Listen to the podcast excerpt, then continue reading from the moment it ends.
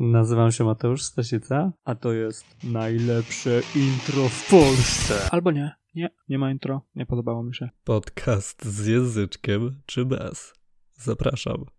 Podczas targów międzynarodowych można natknąć się na ogromnie wiele możliwości, by poszlifować swój język. I tak sobie właśnie przypomniałem o swoich targach chyba w 2018 i uznałem, że tak właśnie rozpocznę ten właśnie odcinek. Bo przede wszystkim na takich targach można całkiem dużo porozmawiać sobie z różnymi ludźmi, z różnych kultur i na różnym poziomie językowym. Tematów do rozmów zazwyczaj nie brakuje, ale mogą one być mocno skoncentrowane na biznesie, jakby nie było, no bo na tym polegają targi.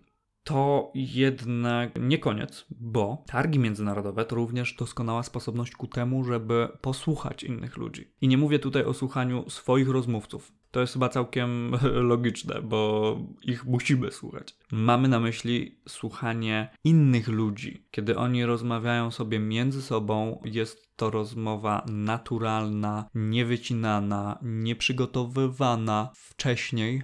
No i tak właśnie warto sobie tych ludzi słuchać. Ale oczywiście w sposób kulturalny i nienachalny. Nie możemy ich podsłuchiwać, więc o tym nie ma mowy.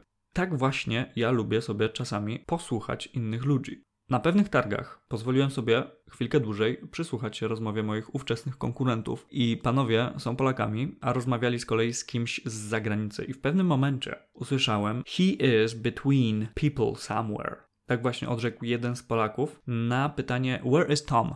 Tłumacząc to na polski, on jest gdzieś pomiędzy ludźmi. To brzmi prawie, że okej, okay, naprawdę. Prawie. Bardzo często popełniamy ten błąd. Przywykliśmy, że pomiędzy, a pośród to jedno i to samo i możemy sobie używać tego jako synonimy. Tak nie jest i musimy o tym pamiętać, kiedy komunikujemy w języku angielskim. Dlatego w dzisiejszym odcinku wyjaśnię Ci różnicę pomiędzy between oraz among. Between między jednym a drugim, między dwiema rzeczami jakimiś. Przykładzik.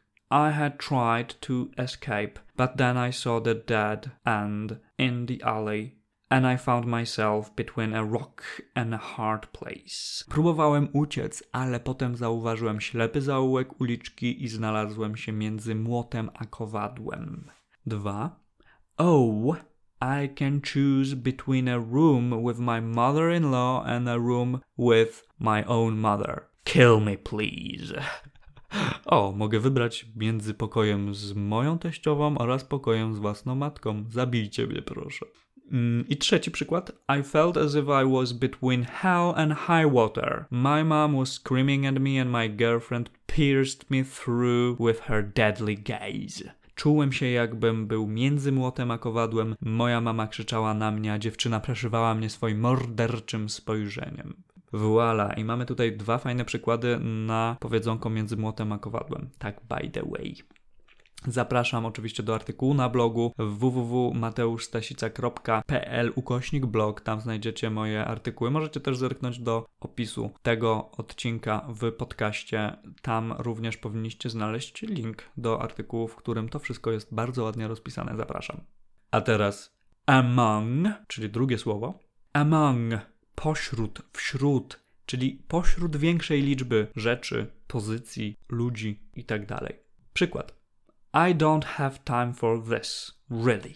Among other things, I have to clean up my room, do the laundry and prepare our, our sales pitch. Nie mam na to czasu serio. Między innymi muszę posprzątać swój pokój, zrobić pranie i przygotować mowę sprzedażową.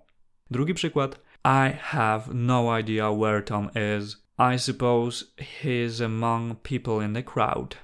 Nie mam pojęcia, gdzie jest Tom. Wydaje mi się, że w tłumie między ludźmi.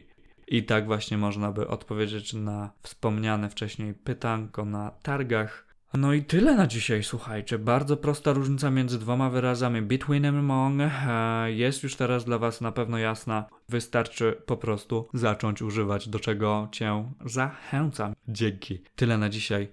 Powodzenia, udanego dnia. Ciao!